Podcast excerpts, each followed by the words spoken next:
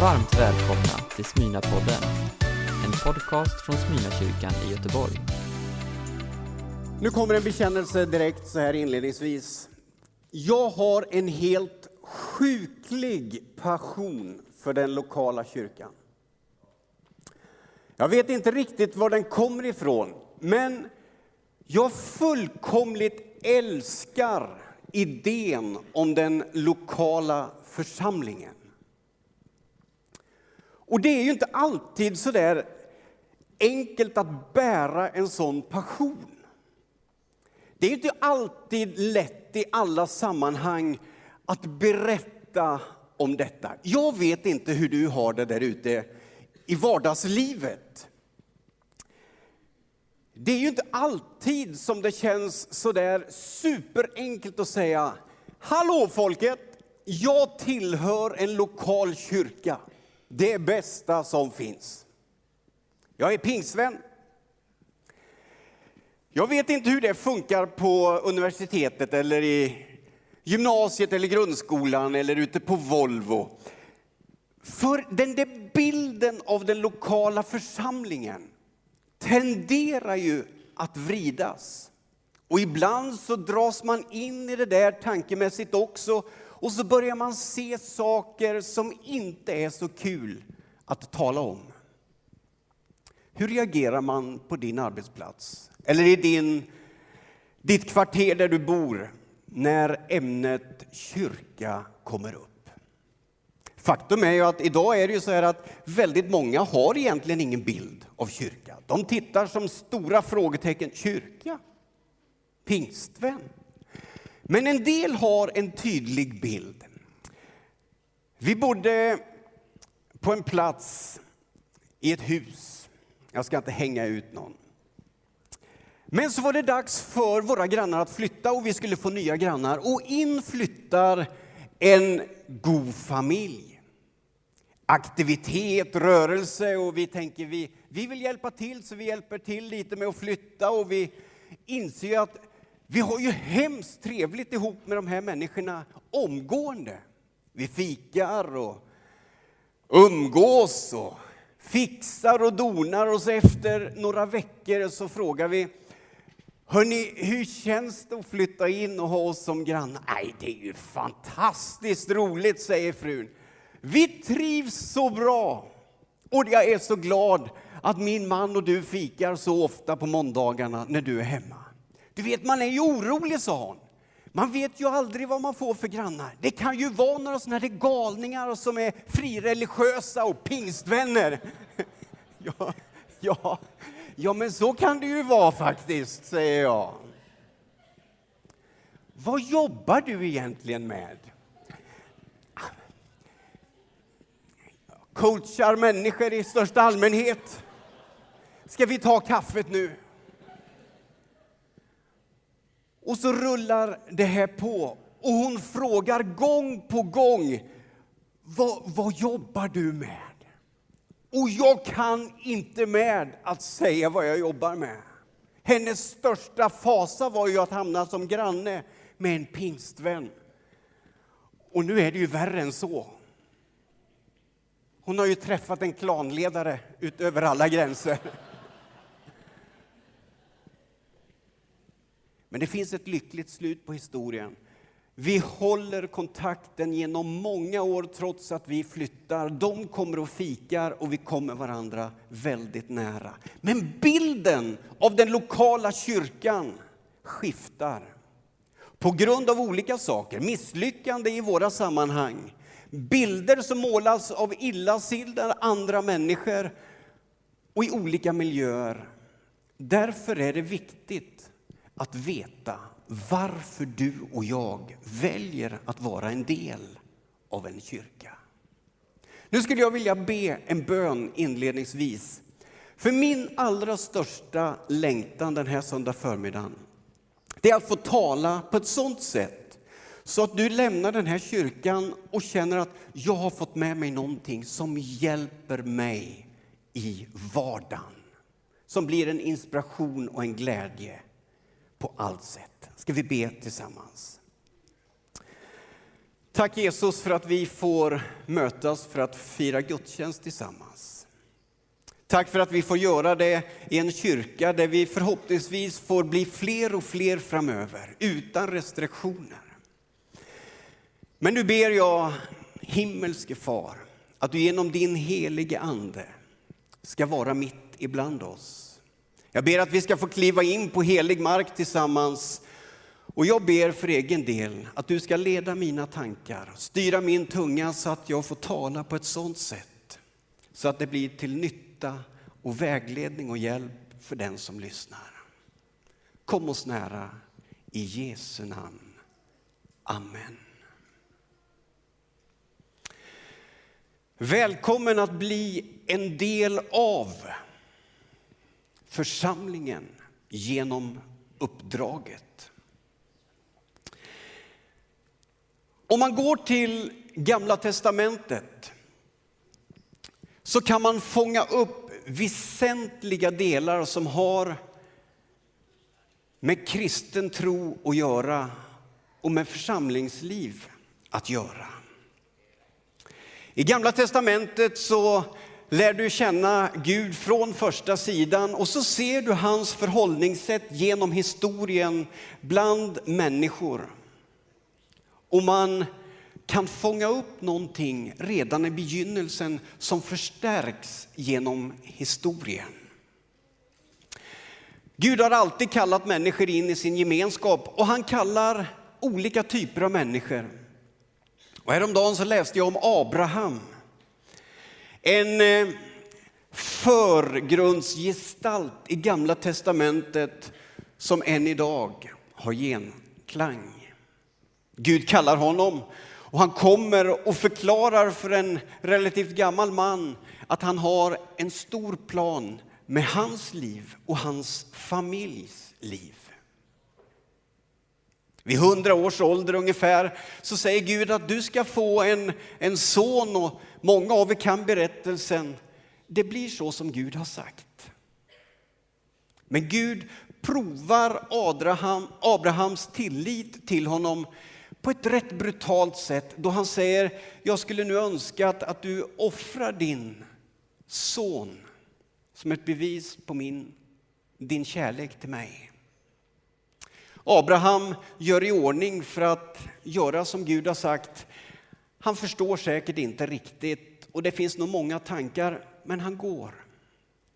Och när han ska skrida till verket så säger Gud, jag har sett din kärlek till mig. Jag har sett att du är villig att göra vad som helst för mig. Du, du ska få ett löfte, Abraham. Lyssna på mig nu. Din avkomma ska bli så stor så att du själv inte förstår det. Och genom dina släktled i kommande tider ska alla folk välsignas. Första Moseboken 22.18 Genom din avkomma ska alla världens folk bli välsignade eftersom du har varit lydig mot mig. Vet du vad begreppet välsignelse innebär? Tar man det ur ett bibliskt perspektiv så menar man ofta att det är Guds godhet och nåd i aktiv handling mot sin skapelse och mot människan där han vill ge oss av sitt överflöd på alla livets områden. Ande, själ och kropp. Det är alltså Guds djupaste kärlek till människan där han vill bryta upp sitt hjärta och säga, jag har goda tankar för er. Jag vill välsigna er med allt det som ni behöver. Välsignelse är motsatsen till förbannelse. Det är någonting gott, det är någonting som fyller den som blir välsignad med glädje och kraft. Abraham, din släkt ska få vara med och glädja alla jordens folk framöver. Du, hur hanterar man det? Ja, jag vet inte riktigt hur Abraham gjorde det, men jag vet att Gud alltid står för det som han har lovat. Och den inriktningen för Abraham och för hans släktled kommer att spela en väsentlig roll. För några år sedan sitter jag nere i Jerusalem med två högt uppsatta rabbiner som har suttit i Knesset och så pratar vi om tro. De är, är judar och delar inte min bild av Jesus Kristus. Men vi talar om tro, teologi och samhällsbygge. Och så frågar jag, hur kommer det sig att ni har en sån enorm drivkraft i detta folk? Att utveckla, att forska, att hitta nya lösningar och sen också låta det sprida sig ut till andra. Varför behåller ni det inte själva? De är ju i framkant när det gäller teknologi, när det gäller jordbruk, när det gäller läkekonst. Och många av oss stöter på deras framsteg i vår vardag. Utan detta folks driv så hade mycket sett annorlunda ut i vår tid. Då säger den här rabbinen, hur skulle vi kunna behålla det här för oss själva? Du har väl läst själv vad Gud sa till Abraham om vårt folk. Vi ska vara ett folk som välsignar alla andra folk genom det som vi gör. Och nu vill jag inte att du sitter och drar massa politiska resonemang just nu, utan fånga själva poängen. När det får sätta sig i en kropp, att man vet att man har ett uppdrag, så kan det forma ett folk och en värld för lång tid framöver. Ditt uppdrag, Abraham, blir att välsigna, komma med det positiva, hoppfulla för en hel värld. Jag vill göra dig till en kanal för detta. Abraham och Sara får gång på gång i ödmjukhet böja sig ner och säga förlåt oss Gud. Vi trodde inte det var möjligt men vi har sett det i vårt eget liv. Den största välsignelsen av dem alla är att Jesus Kristus föds genom denna släkt, genom denna, detta folk. Det är den största välsignelsen som vi någonsin har fått i historien. Och det är enligt Guds plan. När herdarna sitter där på ängen och Jesus ska födas så kommer änglakören. Och det låter så här i Lukas 2.10. Men ängeln sa till dem, var inte rädda. Jag kommer till er med ett budskap om en stor glädje som gäller hela folket. Samma resonemang som på Abrahams tid kommer nu återigen. Det som Gud gör som är gott och som han lägger ner hos Abraham, det ska förmedlas till andra. Och nu kommer ängeln till enkla herdar och säger, nu händer det som ni har väntat på. Messias ska föda, världens frälsare. Behåll inte detta bara för er, det ska nämligen bli en glädje för hela folket. I det här sammanhanget så talades det om det judiska folket. Men det kommer alldeles strax att sprida sig längre än till den gruppen. För när Jesus kliver fram i sin aktiva period och börjar förkunna själv, så säger Jesus så här i Matteus 28, 18-20.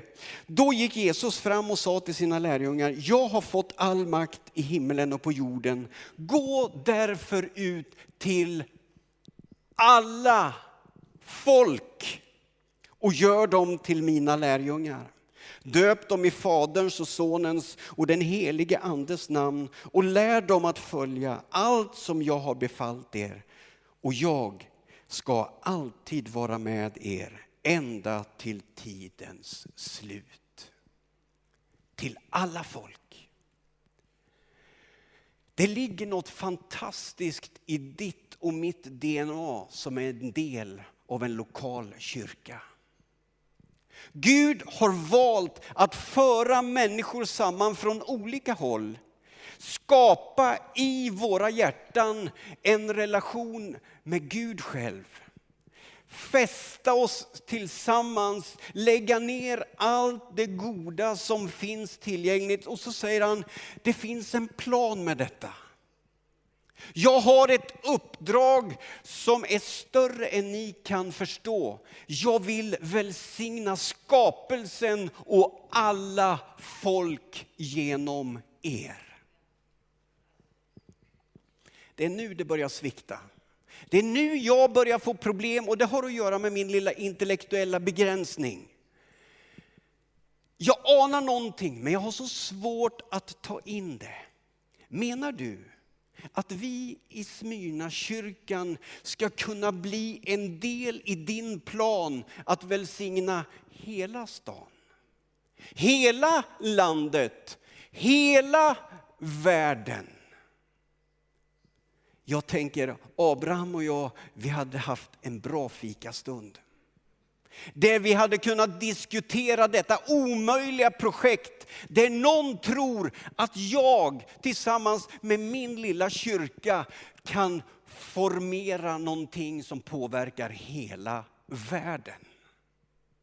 DNA ligger i oss. Gud vill göra någonting i mitt liv för vårt lands skull, för vår stads skull. Bilden är större än att vi ska mötas, sitta och sjunga några salmer, läsa några bibelord och ha mysigt. Det finns någonting av sprängkraft i det som är den lokala kyrkans uppdrag. Där vi ska sprida oss ut ständigt och jämt med en känsla av att vi har det bästa att ge, nämligen Guds välsignelse. Till ande, själ och kropp. Det kan få en enorm betydelse för de människor som finns runt omkring dig och mig. När du och jag förstår att Gud tittar på oss allesammans och så säger han, jag vill välsigna ditt liv. Jag vill berika dig med himmelens alla välsignelser så du kan kliva utanför kyrkans väggar och ge till andra det som de behöver. Jag hävdar ändå att jag har en viss slutledningsförmåga. Och att jag kan lägga ihop ett och ett och jag vet vad det blir. Som vår värld idag ser ut så är det helt nödvändigt att någon säger, Herre, jag vill vara med. Jag vill signa upp i detta uppdrag, för det går inte mycket längre. För att förtydliga för lärjungarna vilket uppdrag det var som Jesus kom med, så tar han i synagogan en textrulle och så läser han från Jesaja. Det här är församlingens uppdrag. Det jag vill att du signar upp för, bestämmer dig om du vill vara en del av idag, det är det här som Jesus säger. Han säger nämligen i Lukas 4 och 18 så här. Herrens ande är över mig. För han har smort mig att förkunna ett glatt budskap för de fattiga. Han har sänt mig att förkunna frihet för de fångna och syn för de blinda, till att befria de förtryckta och ropa ut ett nådens år från Herren. Det är det här som är uppdraget. Vi ägnar oss åt mycket konstiga saker ibland som kyrkor. Och jag förstår inte riktigt hur vi kan lyckas så lite med detta stora rika uppdrag. För det är ju inte tänkt att vi ska vara partydödaren i alla lägen där vi dyker upp. Utan det är precis tvärtom. Vi har fått det största uppdraget av dem alla. Att förmedla ett budskap av glädje, hopp, frihet och kraft till en värld som behöver höra det. Alla åldrar, män och kvinnor nysvenskar och gammalsvenskar, alla som bekänner sig till tron på Jesus Kristus och vill vara en del av den lokala kyrkan, laddas med uppdraget, gå därför ut och gör skillnad. Jag var inte så gammal, jag var runt 20 år och jag jobbade i Mullsjö som ungdomspastor. Jag fick uppmuntran och uppmaningen att komma till den lilla högstadieskolan eller lågstadiet. Det var ettan till nian tror jag det var. Ni får väl rätta mig efteråt. Det var så att de hade problem med en liten pojke på skolan. Han var utåtagerande och så aggressiv. Han gick i ettan eller tvåan. Och han ställde till det så förfärligt så att de kunde inte ens hålla lektion. Så jag skulle vara en resurs till gymnastikläraren. Så jag kommer upp till klassen och jag byter om och går in i gymnastiksalen. Och klassen kommer in och det var inte svårt att vissa hitta mitt objekt. Han var högt och lågt. Och det drog inte lång tid in i lektionen förrän han skapade oreda. Och när lärarinnan som var höggravid tvingas ta tag i pojken så rycker han sig lös, springer en liten bit, hoppar upp och sparkar henne i magen. Och skriker för full hals, jag hoppas det lilla barnet kommer ut. Och jag tänker, vad är det jag har att göra med? Han är helt odräglig, han slåss, han skriker och när lektionen är slut så ska alla gå in och duscha men han vägrar. Han har inte duschat sedan han började skolan. Och jag säger, alla måste duscha, du också. Jag vägrar. Han skrek. Han var helt tokig. Så vi tar in honom på lärarnas expedition där det också finns en dusch. Och så säger jag, du ska duscha. Efter en lång stund så säger han, okej okay då, lämna mig i fred. Nej, jag är här men du kan gå in och duscha själv. Han går in och jag ser hur han kastar gymnastikkläderna och så hör jag hur duschen går igång. Jag plockar i ordning efter mig och samtidigt så sneglar jag in i duschen och då ser jag en liten späd kropp med lila blå streck över hela ryggen. Breda nog att vara spår av en livrem. Jag kliver in och jag vet inte riktigt hur jag ska hantera hela situationen. Så jag kliver in, säger hans namn, så här, men, men hur är det? Han kryper ihop som en liten sparv in i duschen och trycker ryggen mot väggen så jag inte ska se. Och säger, vem gör det här? Så tittar han upp med stora ögon och så säger han, förstår du nu varför jag inte vill duscha med de andra? Jag får krama om den här lilla pojken och det kommer fram att det är hans pappa som slår honom ständigt och jämt med olika tillhyggen. Och nu senast var det det han kom över, en livrem. Aldrig får han höra att han är älskad. Aldrig får han höra att det finns en plats eller att han är behövd. Ständigt blir han påmind att han gör fel. Och nu säger läraren likadant och nu kommer jag som resurs, för han är ju problemet. Så får han krypa upp i mitt knä. 20-21 år är jag och jag får krama om honom och säger, det här ska vi se till att det blir ändring på. Och så går jag till skolan och de vägar man ska gå. Den lokala kyrkan, församlingen, du och jag, behöver vara det som är befrielsen för människor i den här situationen.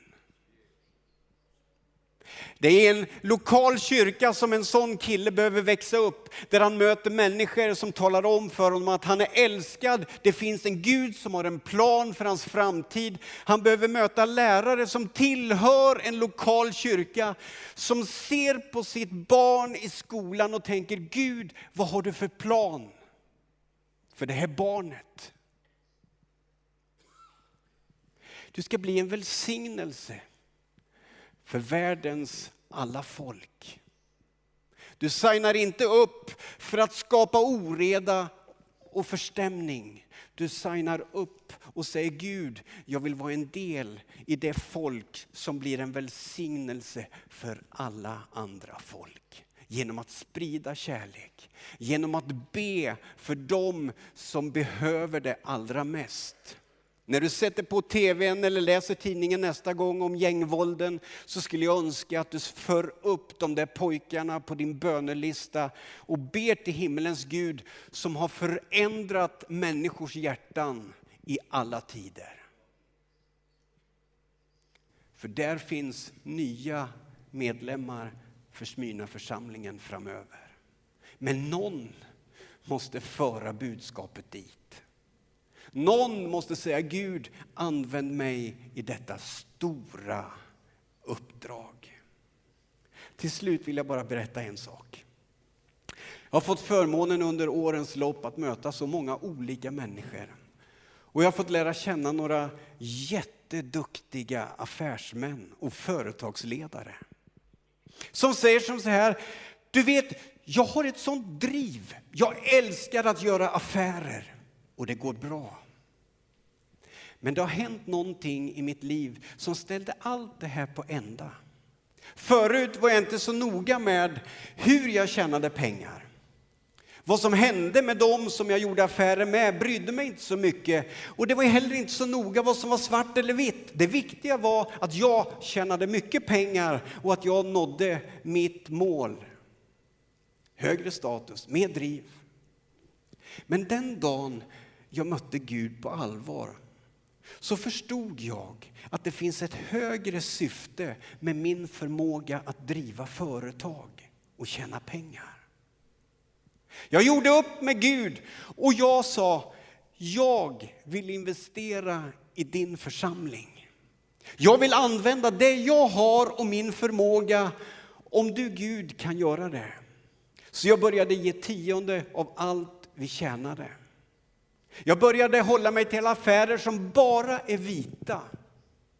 Och jag började se personalen som min lilla grupp som jag på bästa sätt skulle välsigna. För Gud har ju välsignat mig. Vet du Mats, säger de, och speciellt en som jag tänker på nu. Det var då mitt företag började växa på riktigt. Jag har förstått att mitt kunnande kan vara någonting som på allvar är med och fyller en funktion i Guds tanke och plan. Min förmåga att skapa arbetstillfällen, att göra affärer kan få bli en välsignelse, inte bara för den lokala församlingen utan också för den stad och det sammanhang som jag är en del av. Det här är det roligaste jag har upplevt i mitt liv säger den här företagsledaren.